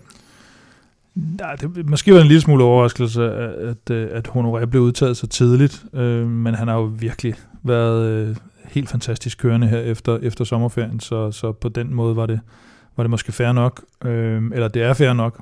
øh, det mest overraskende var vel egentlig nok Michael Valgren, hvis man ser sådan resultatmæssigt, hvad han har, hvad han har præsteret i løbet af, af sæsonen. Men, øh, men han plejer at være en rigtig god mesterskabsrytter. Det er det rigtige terræn for ham, så, så det er på en måde øh, rutinen, kan man sige, der, der, der skaffer ham den plads, må man, må man formode. Og han havde nok, altså, jeg tror han var kommet med i den endelige trup, men, øh, men måske lidt, hvis man skal finde noget overraskende, så var det, at han, han blev udtaget som en af de første, måske. Og så er der sket det, øh, at Jakob Fuglsang endegyldigt er ude af VM-truppen. Sidst vi var her, der var han lige styrtet. Vi vidste ikke helt, hvor slemt mm. det stod til. De første meldinger gik på, at det faktisk ikke var så slemt.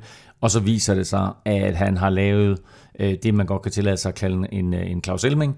Nemlig, mm. han brækker ribben, han brækker kravben, han brækker skulderblad. Uh, han er endegyldigt færdig for sæsonen. Det her det er et hårdt slag for Fuglsang, Stefan. Ja, det er det virkelig. Jeg tror også, den kommer på et rigtig trist tidspunkt i forhold til øh, kontraktforhandlinger. Mm. Øh, så så det, det var i hvert fald, jeg, man kan sige, jo, det her VM, det, var, det, det havde nok været, været sjovt for ham, også efter at han, han faktisk kørte en rimelig imponerende OL. Øhm, så så han, han viste egentlig, at, han, at formen øh, var der. Øhm, men, men ja, bare, bare utrolig, ja, utrolig nederen. Altså det, det, det, det bliver ikke værre tidspunkt, specielt når man sidder og, og diskuterer i sidste detaljer med, med arbejdsgiver for næste år. Nej, så. Og jeg så også, han udtalte til TV2, at han forventede, at det var hans sidste løb for Astana, så nu må, nu må vi se, mm. hvor, hvor Fuglsang han ender hen. Øh, men virkelig, virkelig ærgerligt. Han havde selvfølgelig også glædet sig til, øh, til det her VM. Vi ved, at han er dygtig til at, at køre på brosten. Jeg bad jer om i sidste uge at komme med otte navne til, øh, til VM-truppen. Nu er nu Fuglsang naturligvis ikke en del af det længere. Det vil sige, at brutotruppen de resterende tre rytter, der skal vælges, skal vælges ud fra Jonas Vingegaard, Andreas Kron, Mads Wirtz, Michael Mørkøv, Chris Juhl, Mikkel Bjerg, Søren Krav og Kasper Pedersen. Øh, Stefan, du havde, øh, hvis vi kigger på de sidste tre navne, fordi I havde de her fem, der er valgt, dem havde I faktisk alle fem, så det var super, super skarpt. Øh, Stefan, du havde øh, som de sidste tre, Mads Wirtz, Søren Krav og Chris Juhl. Kim, du havde så Jakob Fuglsang, han er ude, så der får du lov til at komme med en ny. Øh, du havde så øh, Andreas Kron og Mikkel Bjerg. Øh, hvem vil du have med nu, Kim, hvis du fik, eller ja, du, får, man, du får lov til at ændre det nu? Man kan sige ja, fordi nu, vi, vi skal jo være i samme position som Anders Lund, fordi han har jo også set, hvad der er sket siden, øh, siden øh, vi udtog de, de første der, så, så jeg har faktisk tænkt mig at lave rimelig meget om, fordi nu har man jo fulgt øh, formudviklingen hos de forskellige, og øh, Fuglsang er selvfølgelig ude. Søren Krav øh, er styrtet nu. Det ser ikke alt for godt ud. Kasper P. har vist øh, okay øh, tegn egentlig efter sit styrt i, i Danmark rundt, men, øh, men bliver måske lige vejet for lidt. Og så har jeg måske en eller anden fornemmelse af, at Kron lidt er på vej nedad efter sit Vuelta. Altså frem for, at han ligesom kommer sådan i opadgående kurve ud af. Øh, han har kørt rigtig godt og sådan noget. Men, altså du mener, han har brugt for mange kræfter? Ja, jeg tror måske, han er lidt slidt efter, ham havde jeg egentlig taget med, så, så det vil jeg egentlig om. Og så til gengæld synes jeg, jeg har set en Michael Mørkøv, øh, både i Danmark rundt og, øh, og i, øh, i Benelux. Ja, har jeg ikke sagt det hele tiden? Og så jo, bliver jeg svinet for at sige Mørkøv, ikke? Jo, jo, jo, men der, jeg synes, den der hjælperrolle har han taget øh, til sig, fordi han, han ved formentlig godt, at hvis han skal til VM, så bliver det jo den, den rolle, og han, skal, og han skal sidde med i et godt stykke tid og lave noget arbejde på en anden måde, end han plejer. Og det var jeg lidt i tvivl om, om han var klar til, om han kunne det. Og jeg synes faktisk, det ser ud som om, at han, øh, han godt kunne være i stand til det. Så så jeg, øh, jeg er nok på noget mørkøv i hvert fald, og jeg er på noget Mads Wirtz, som vi har set her i Benelux, faktisk sidde okay med her på, på muren i Geretsbergen, og kommet ordentligt over, hans, øh, over styrtet i øh, Vueltaen, som jeg var lidt bange for sidste gang. Så er jeg lidt i tvivl om den sidste plads. Altså, jeg har kigget lidt på Vingegaards løbsprogram, og der står slet ikke noget i september. Så det gør mig lidt øh, usikker på, om altså, træner han hardcore op til det her VM, eller er han fuldstændig ligeglad med VM og ligger derhjemme og holder badeferie, eller ja, det, det er jeg faktisk ikke øh, klar over. Hvis han træner til VM, så skal han med. Altså det, han er så god en rytter, at det skal han simpelthen bare. Hvis ikke han ligesom er, er, er pejlet ind på VM, så vil jeg hellere tage en hjælper med, som, som Chris Juhl eller, eller Mikkel Bjerg. Jeg synes ikke, Mikkel Bjerg gjorde det sådan overbevisende på enkeltstarten her. Du har, altså, du, du har altså valgt at sige, at de sidste tre øh, bliver Mads Wirtz, Jonas Vingegaard og Michael Mørkøv. Stefan, dine ja. tre. Um, og gør det bare længere end Kim. Ja, prøv at gøre det lidt længere. Kan, jeg, jeg Hvis du prøve. kan. um, jamen, jeg havde jo uh, Mads Wirtz, Søren Krav og Chris Juhl. Um, Mads Wirtz holder jeg fast på. Uh, han, uh, han bekræfter ligesom, synes jeg, uh, at, at han var godt kørende, og, og det havde han også sagt til mig, at, at uh, han, altså, efter hans, uh, hans styrt uh, i Vueltaen, så, øh, så var han tilbage på, på cykel igen og kørte fortsat stærkt, og, og han sagde også, at han havde øh, givet Girona-gruppen øh, baghjul til træning, så jeg tænkte, okay, han, øh, mm. han er nok kørende. Øh, så, så den holder jeg ved. Søren Krav, som styrter ud af, øh, af Benelux, vil jeg nok fjerne. Og, øh, og så, kan, så kunne der være plads til en, øh, til en kron. For mig i hvert fald. Jeg synes i hvert fald, at han har, han har, han har vist, at han, er, han besidder en styrke og øh, den der kodhed, som han nærmest står og taler direkte til Anders Lund øh, gennem linsen og siger, at han gerne vil med, og øh, mm. håber, han har gjort nok, og så videre. Øhm, der er nogen, der skal, der skal ned for at arbejde, tænker jeg, øh, i, i, i, i den begyndende fase, og der tror jeg, at Kron, han, i, både det, han har, han har leveret noget, øh, nogle resultater nede i Vueltaen, og så bare den, den type, han er, og han er nok en fremtidig landsholdsrytter alligevel, så, øh, så det, jeg kan godt se ham få en, øh, en lille rolle der.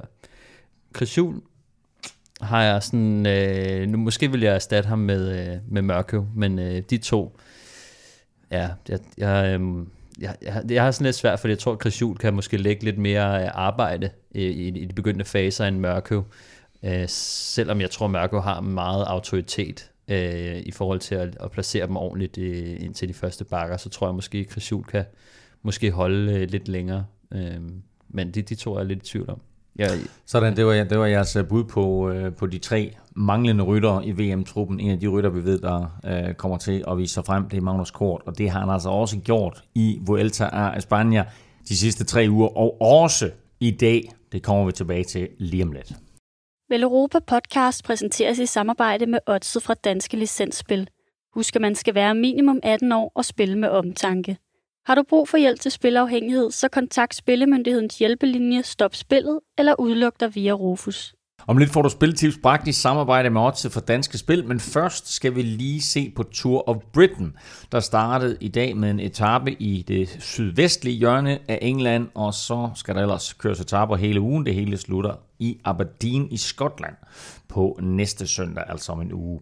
Øh, nogle af de helt store VM-favoritter, de bruger løbet her som opvarmning. Blandt andet så er Julian Alaphilippe med, Michael Woods er der, Michael Kwiatkowski, og så har vi faktisk også en enkelt VM-aktuel dansker med i form af Mikkel Honoré. Men Kim, første etap i dag blev faktisk mm. vundet af en af de allerstørste favoritter. Ja, var Van Aert, han lagde, lagde hårdt for nat. Det kan være, at han lige vil have manet alt det der i jorden omkring, om han skulle være kaptajn på det, på det belgiske landshold. Han vinder foran uh, Niels Ekhoff. Og øh, det var sådan en, en typisk kuperet britisk rute, hvor, hvor der er lidt tidsforskel til sidst på nogle, på nogle få sekunder. Øh, Mikkel Honoré kommer i anden gruppe to sekunder efter, sammen med blandt andet Alaphilippe. Okay, så det var ikke øh, de store tidsforskelle, der blev gjort der. Mikkel Honoré kommer vi tilbage til uh, lige om lidt. Uh, mandag, der kører rytterne øh, sådan en igen ganske kopieret rute fra Sherford to Exeter, stadigvæk dernede i det sydlige England. Uh, og så tirsdag er der holdtidskørsel på godt 18 km til den botaniske have i Wales. Hvem er favoritter der? Øhm, der tror jeg sgu øh, Ineos, de favoritter, de, øh, de kommer med et, med et rigtig stærkt hold. Det, det, det siger vi hele tiden. De kommer med et rigtig stærkt hold. Så styrer, så styrer de på en af etaperne, og så er det hold decimeret. Nej, jeg tror, at det her, jeg tror, at det her hold, det er, det, det er A-holdet, de kommer med. Øh, de vil selvfølgelig gerne gøre det godt. De har øh, Rohan Dennis med, øh, som kører stærkt. Richie Port, som også kører stærkt. Um, Kwiatkowski kører stærkt. Ethan Hayter er i super form, øhm, og så har de også øh, Carlos Rodriguez med, som er sådan et øh, stort talent, øh, spansk stort talent, øh, som er rigtig dygtig til at køre enkelt start også, og så Owen Duel med. Øhm, så det, de er nok øh, favoritter til, til holdtidskørslen i hvert fald, så, så kommer til at sætte sig tungt på det. Jumbo Visma øh, har selvfølgelig også et godt hold øh, med øh, selvfølgelig Wout van Aert og Tony Martin, men udover det, så, så er der måske ikke så mange. Øh, det kønne Quickstep plejer også at kunne, kunne trække noget godt op af hatten med, med Alaphilippe, øh, Honoré, Yves Lampard. Øhm, så det er nok en kamp mellem de tre. Nu er den kun 18 km, så, så det er jo ikke de helt øh, kæmpe store tidsforskelle, der bliver gjort her. Så Kim, hvis vi sådan skal kigge på, hvor løbet bliver afgjort over de her næste syv dage, hvor er det så? Jeg tror faktisk, at, at det netop ikke bliver de helt store tidsforskelle på, på rigtig nogen af etaperne. De har nogle øh, øh fjerde etape til Great Orm, går jeg ud fra det. Jeg ved ikke, om det betyder store orm. Øh, det vil næsten være for frækt. Øh, der har de nogle, øh, en kategori 1 og en kategori 2 i finalen, og så øh, en, en lille rampe. Øh, 6. etape for, for Gateshead, eller til Gateshead, der har de tre kategori 1 stigninger, men de ligger sådan lidt midt på etappen, og så er de den her kuperede finale igen, så så det er ikke sådan, at de lige pludselig har en eller anden øh, etape, hvor de slutter med en 15 km stigning op mod mål, der, der kan skabe de der helt store tidsforskelle. Så jeg tror godt, vi kan få noget, øh, noget fint vedløb, hvor det, hvor det kan skifte lidt. Og øh, løbet kører sig så, som sagt med otte etaper, og det er, sådan en, det er netop en rundtur i Storbritannien, fordi I starter altså i Sydengland, så ind over Wales, og så slutter øh, i Skotland der til sidst. Vi øh, skal have nogle spiltips på banen, og jeg må bare sige, at I to, I har været virkelig, virkelig skarpe her øh, under øh, Vueltaen.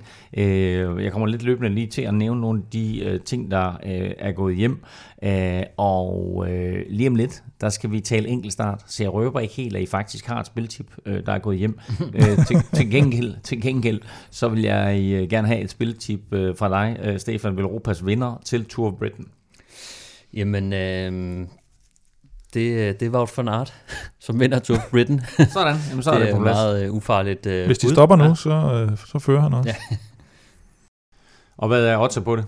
Jamen det er kommet nu. Øhm, øh, vores bookie arbejder ikke, øh, ikke så sent øh, om aftenen, men øh, jeg går ud fra, at det kommer øh, i morgen tidlig. Sådan. Altså, vi, øh, vi optager ret sent her øh, søndag aften, så øh, mandag er der jo forhåbentlig øh, spiltips på banen inde på Odds.dk, så gå ind og tjek vores, øh, vores forskellige øh, spiltip her, som der, der øh, traditionelt jo er, er boostet lidt i forhold til andre odds. Wout van Aert er vel Europas vinder af Tour of Britain. Øh, Stefans staldtip. Adam Yates ender øh, bedre end Egan Bernal i det samlede klassement i Vueltaen. Bum, gået hjem, odds 205.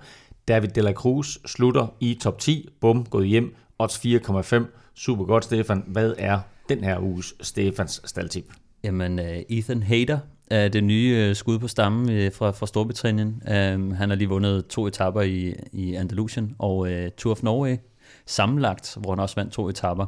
Han, øh, han ser bare skræmmende stærk ud og, og kan køre i det der kuperede terræn, som, som du er i både i Andalusien og, og i Norge. Og den her rute i Storbritannien, den er også meget kuperet, de her etapper, som, som, øh, hvor der er mange, mange bakker, og så ender det som regel i en, en decimeret frontgruppe.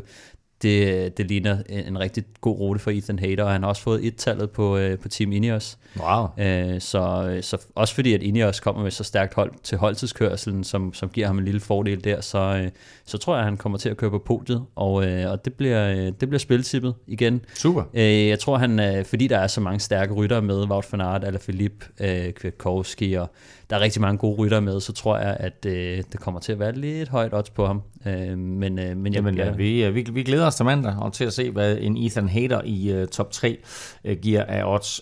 Kim Plesner. Jeg er nødt til at rose dig. Fordi Tak skal du have, Claus du havde Mathias Mohoric på podiet i Benelux Tour. Uh, odds 3, den gik hjem. Du havde Bahrain Merida der vinder holdkonkurrencen. Uh, odds 3, den gik hjem, altså i Vueltaen. Og Henrik Mars slutter i top 3 i Vueltaen. Odds 4,5, den gik hjem. Bum, bum, bum. Bum, bum, bum. Super skarpt. Lad os se, om du er lige så skarp her i Plesners podie. Ej, nu, nu bliver det en lille smule klaphat, øh, så jeg tager øh, Mikkel Honoré på podiet i Tour of Britain. Og den øh, går jeg ud fra at give et øh, relativt højt odds. det tror jeg også. Det er, det er nogle stærke navne, men øh, jeg synes, at... Øh, jeg, Jamen, det er jo egentlig lidt interessant, fordi vi har Wout van Aert til at vinde, og så har vi Ethan Hader øh, og Mikkel Honoré i top Ja. 3, så der har vi jo podiet. Der er ikke rigtig plads til Alaphilippe for eksempel og Kwiatkowski, men øh, det må de så øh, lære at leve med. Nej, jeg, jeg, Richie Port eller, eller andre. jeg synes, at øh, jeg tror, holdtidskørselen skal de nok øh, gøre en god figur af Quickstep, og så, så tror jeg egentlig, at, at jeg tror egentlig på nuværende tidspunkt, måske han er i sådan nogenlunde lige så god form som Alaphilippe i Men det også fordi, terræn at der. øh, Honoré har kørt så meget øh, på, på podiet her på det sidste, ja. ikke? at øh, det, det, det Jamen, virker der har ikke, der har ikke været at- et løb, øh, hvor han ikke har stået på podiet Nej, de, sidste ikke. par uger, så, Ja. så han er rigtig flot kørende. Lad os, bare, lad os bare håbe, det fortsætter, og han viser noget VM-form her. Vi har faktisk to odds mere, der går hjem, men jeg vender lige tilbage til dem lige om lidt, fordi vi skal til den her sidste etape i Vueltaen, Ja. enkeltstarten, og vi har jo nævnt det et par gange, at Magnus Kort sad i hot seat. og efterhånden, efterhånden, som rytter, de var ude på ruten, og de kom i mål, så snakker vi 30, 40, 50, 60 sekunder, vi snakker minutter, mm. at ryttere, topryttere, top 10 klassementsryttere, de kommer ind efter Magnus Kort. Første mellemtid, der er Roglic 20 sekunder foran Magnus Kort. Mm. Anden mellemtid, 17 sekunder. Og desværre i mål, 14 sekunder foran Magnus Kort. Men hold nu kæver, hvor er det tæt på, at Magnus Kort han laver endnu en sensation og vinder enkeltstarten i, øh, i Vueltaen. Ja, men det, det, er jo, det, er jo, det er jo helt vanvittigt, hvad han har kunne gøre på, på enkeltstarter. Vi har jo set ham i, i år køre nogle, mm. nogle relativt øh, vilde enkeltstarter, men det har jo været sådan noget, øh, hvad blev han, nummer 12 og nummer 9 øh, i, i turen, ikke? Øh, Så hvis du ser hvad de otte, der overgår ham i Tour de France, så er der vel nærmest ikke nogen af dem med i, øh, i Vueltaen, kan man Nej, sige. Så, men, så, men her der er han jo helt op og, og bide skære med, med Primoz Roglic, som Ja, ja, jo lige er blevet olympisk mester i disciplin, overlænt ja. endda, ikke? Uh, her der, øh, der er han altså også den eneste, der kommer i nærheden af Primoz Roglic, som jo Øh, det er jo Thymen Arendsmann, som er en anden talentfuld hollænder. Det som, var også lidt overraskende, at han øh, slog men-. Men det er, jo, det er jo 52 sekunder, Ja, ja, øh, og ellers præcis. så er resten jo, det er jo over et minut, to minutter. Øh, Altså de, de tre der, ikke? Altså Roglic vinder, og så Magnus Kort, og så Tian Arnsmann, som du siger der. Det er de eneste inden for et minut. Kort 14 sekunder efter, Arnsmann 52 sekunder. Alle andre over et minut, og der er endda kun 1, 2, 3, 4, 5, 6 ryttere. Mm. Et minut efter. Mm. Så snakker vi to minutter pludselig. Ja. Altså det er helt vildt, den her enkeltstart, han har blæst af, øh, Magnus. Ja, men det var jo også Claus' kub, var det ikke? Og det, det, Øj. det, ej, det er jeg glad for, du bringer op. Der var nemlig et Claus' kub til Nå, men det var odds, perfekt odds, odds 5, der gik hjem her. For vores spil, hvis vi ser bort fra Det var nemlig perfekt. danske- Fordi vi havde, vi havde to spiltip hængende ude. Roglic vinder 21. etape. Den gav kun odds 1,5, men den gik trods alt hjem. Og så Claus'. Jeg, jeg, jeg er lige ved at sige, er det første gang, den er gået hjem, Claus' Cup? Jamen, der er ingen, der kan huske det. Nej, der er ikke nogen, der husker det. Men, men det, er så, Det tyder så på, at det, er, Ja, det, er, første gang. men prøv at det gav odds 5 øh, med Magnus Kort i top 3. Jeg vil bare sige, øh, jeg skrev lige kort med ham i går. Øh, roste ham for hans tre etappesejre. Han var sådan lidt kort for hovedet. Øh, skrev, øh, Du skrev kort med ham, og han var jeg kort skrev, for Jeg hovedet. skrev kort og kort, og han, han skrev kort tilbage. Han var lidt kort for hovedet. Øhm, øh, men han lagde kortene på bordet. nej, jamen, jeg kan ikke mere. Det er også pinligt. Og der blev kortlagt. øh, nej, jeg skrev bare til ham, giv den gas i dag, og så kom der bare thumbs up, og så tænkte jeg, så, den er, den er hjemme. det nu kan, ikke, den. det kan heller ikke blive meget kort. Nej, men prøv at det var, bum bum, øh, det var, altså, øh, så tæt på for Ja, det Magnus var- Kort. Altså, det, og det er bare altså, endnu et vidensbyrd om, at, at det niveau, han er på lige nu, det er, det, det er helt unikt. Øh, den, der skete ingen ændringer i den samlede stilling. Adam Yates, han gav den et forsøg, var faktisk ved at hente, eller ikke indhente, men hente de sekunder, han var efter øh, Jack Hague, men øh, det viste sig, at han havde lagt lidt for hårdt ud, øh, Adam Yates der, så det endte faktisk med, at Jack Hague han kom i mål øh, i en bedre tid end Adam Yates, og dermed så kom der ikke de store forskydninger i det samlede klassement. Primus Roglic vinder Vuelta a España, og det gør han altså for tredje år i træk. Det er der meget, meget få ryttere, der har gjort. Henrik Mars bliver toer. Jack Hague bliver treer. Det er altså også øh, lidt af gennembrud af, af Jack Hague. Øh, Vi har set ham være god, øh, men, men altså her at blive treer. Han var deres uh, turkaptajn jo, men, Præcis. men styrtede ud, ikke? og det var Lige fint, han nøjagtigt. lige fik en revanche der. Lige nøjagtigt, og, øh, og det er altså fornemt, at han kommer på brug. Det her Adam Yates 4. Gino Meter 5'er, foran Egan Bernal, og dermed altså den hvide ungdomstrøje til Gino Meter. David De La Cruz øh, ender som nummer 7. Sepp Kuss bliver faktisk en flot nummer 8. Gilles Martin efter sin, hvad blev han, nummer 8 i Tour de France, ikke? Øh, og så bliver han nummer 9 her. Det er ja. altså også rimelig solidt kørt af ham. Og så Gros Schartner ind på 10. pladsen. 11. pladsen, lige uden for top 10 altså, norske Odd Christian Eiking, som øh, ikke var i stand til at holde fast i den der top 10, men sikke et, øh, et flot Vuelta, han har kørt. Det var øh, Spiltip, bragt i samarbejde med Odset fra Danske Spil, og øh, nu skal vi så til noget, hvor vi er sikre på at få en dansk vinder, og der ikke lige pludselig kommer en anden slovener og ødelægger det hele, nemlig quizzen. og øh, vi kører sådan en last man standing. Vi, øh, jeg stiller jer et spørgsmål med, hvil, hvilke nationer øh, har vundet flere etaper i Vuelta-sammenhæng end Danmark. Danmark er på 19. Hvor mange nationer var det? Der er 11 nationer. Nå, ja, jeg har 13. ja, det er, det er, du, så må du sortere. Så Så, du så, må, så må du lave sådan en, en prioriteret liste jo. Nå, der er nok fejl i øh, quizzen. fandt, I, fandt I ud af, hvem der havde serveretten? Det havde Kim, ikke? Jeg tager den Godt. bare. Så, så, okay, så Kim, du går i gang. Ja, tak. Ja, men vi, kan, vi skal have udryddet Spanien. Spanien er væk, det er korrekt. Italien. Italien er også korrekt. De er nummer 3. Belgien. Belgien, så har I taget 1, 2, 3. Spanien 1, 554 sejre, Belgien 226 sejre, Italien 183 sejre. Så må Frankrig også være. Nummer 4, 128 sejre. Holland. Nummer 5, 115 sejre. Hold da fest. øhm, Schweiz. Schweiz er nummer 8 med 32 sejre. Tyskland. Tyskland er nummer 6 med 74 sejre. Så er der... Så er der noget, der hedder Storbritannien. Storbritannien er nummer 9 med 31 sejre.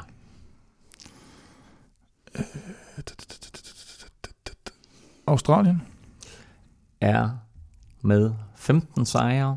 Ikke i top 11. Danmark har 19 sejre, Australien har kun 15 sejre. Øh, I manglede Colombia, som var nummer 7 med 34 sejre. I manglede den ikke. Øh, men Den havde du. der var nogen, der Nå, men manglede så lad os lige høre, okay, hvem havde du mere på listen derovre? den. Øh, Colombia. mange. Ja? Øh, så har jeg Luxembourg. Nej, Nej. Så du, Så har jeg USA og Lux, Portugal. Lux, Luxembourg har fem. Ja, Portugal. Luxembourg har fem sejre. Hvem sagde du? Portugal vil jeg have sagt jeg har, ellers. jeg har øh, Portugal Colombia, USA og Portugal. Mm. Øh, USA har 18, nej, USA har 16. Nå. Portugal har 11. Jamen, jeg ved, men det er jo... Så du man havde skal prøv også, lige, prøv, lige, prøv lige at tænke over det. Vuelta og Spanien. Danmark har 19 etappesejre, Portugal har andre 11. Det er Irland med 26 og Rusland med 20. Ah, Irland, ja. Sean Kelly for Ja. helvede. altså. Øhm, men altså, i Danmark vundet i dag, så vil vi op på, på siden af Rusland, så vil vi være i top 10 over flest etappesejre i Vuelta i Spanien. Det, Rusland er der også. altså, det er da helt crazy. Altså at tænke på. Er det Sovjetunionen eller Rusland? Jamen, jeg tror, det er en kombination. Og det kan man ikke. Så den er, den er nok ugyldig, den quiz der. Den må vi have taget om, så. Nå, Men er vi sikre på, at det er det Jamen, det Wikipedia? er ikke, altså, eller der, er der det- kommer nok en eller anden form for undersøgelse på Twitter. Øh, Hvem har du men- brugt som kilde i dag? Men, øh, der har jeg brugt noget, der hedder, øh, hvad fanden hedder det, hedder det, Viki, Wikipad. I, ja. Nå. Uh, hvad hedder det? Stefan får pointet. 27, 24 står der nu. Um, så uh, vi håber, vi håber, den holder den her gang. Vi håber også, at I er med os, selvom vi holder en lille pause, og først er tilbage i øh, næste uge igen, og det er vi altså op til øh, VM starter. Øh, den, jeg tror, VM starter den 19. 19. med herrenes enkeltstart, og så kører det altså i otte dage frem der, og slutter så øh, med øh, VM i, eller hvad hedder det, linjeløbet øh, weekenden 26.. efter. Den, altså, den 26. siger Kim, øh, september. så ja, tak, tak for det, Kim. Indtil da kan du følge Velropa og Kim på Facebook, Twitter og Instagram. Det sker på Snablag Velropa og den færøske Godfather. Um, jeg har lige, uh, ind, nu afbryder jeg lige meget, uh, men uh, vores uh, danske spil har lige meldt tilbage. Nå, nå. Og ja, sagt, okay. at... Så lad os da få dem, så tager vi Nej, nej, lige fra nej, top. nej, Nå. de har ikke odds endnu. Men de, de er simpelthen blevet for bange. Men øh, han skriver, øh, I er da on fire. En tilbagebetaling på 192% i de sidste fire udsendelser. Sådan. Okay. Det er meget sjovt. Så han skal lige tænke over det, øh, og så, øh, så vender han lige tilbage øh, snarest. Jeg håber, vi har øh, i morgen øh, odds på det, men øh, Ja. nu ser vi lige. Okay, I morgen det er er, det er også virkelig, virkelig skarpt, drenge. 192 procent. Ej, vi er jo også lidt bagefter, tror jeg. Ja, men ja, der er hentet sige. Claus' scoop til odds 5, den batter også noget der. anyway, du kan følge Kim på Snablag Europa, den færøske Godfather. Finder du på Snablag Stefan Djurhus, og undertegnet finder du på Twitter, Insta og Face på Snablag NFL Ming. Og hvis du ikke ved, hvad du skal lytte til nu, må jeg så anbefale NFL-showet, hvor undertegnet sammen med Thomas Kvartrup tirsdag laver power ranking for alle 32 hold forud for NFL-sæsonen, der begynder allerede på torsdag. Tak for nu. Tak fordi du lyttede med. Tak til dig, der støtter på tier.dk og vores partnere Zetland og Odds for Danske Spil. Støt dem, de støtter os. Catch you later. Thank you.